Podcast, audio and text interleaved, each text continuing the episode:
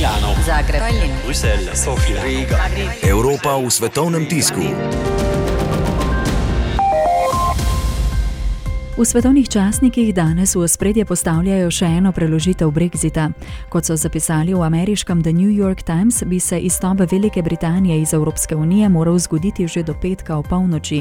Na to pa so ga prestavili do konca junija, a voditelji Evropske unije so se strinjali, da je rok prekratek in nerealen in zato so se dogovorili o preložitvi Brexita do 31. oktobra z umestnim pregledom junija.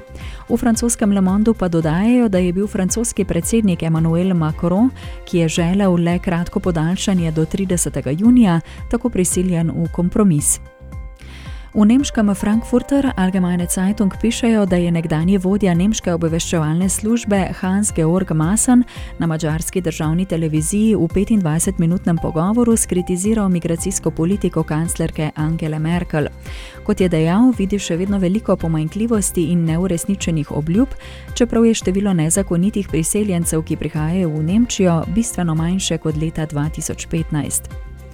V slovenskih financah pa danes o petih stvarih, ki jih morate vedeti o včerajšnjem zasedanju Evropske centralne banke. Šef ECB-ja Mario Draghi pa povdarja, da še imajo prostor za ukrepanje, če bi bilo res potrebno. Milano, Zagreb, Bruselj, Sofija, Riga. Evropa v svetovnem tisku.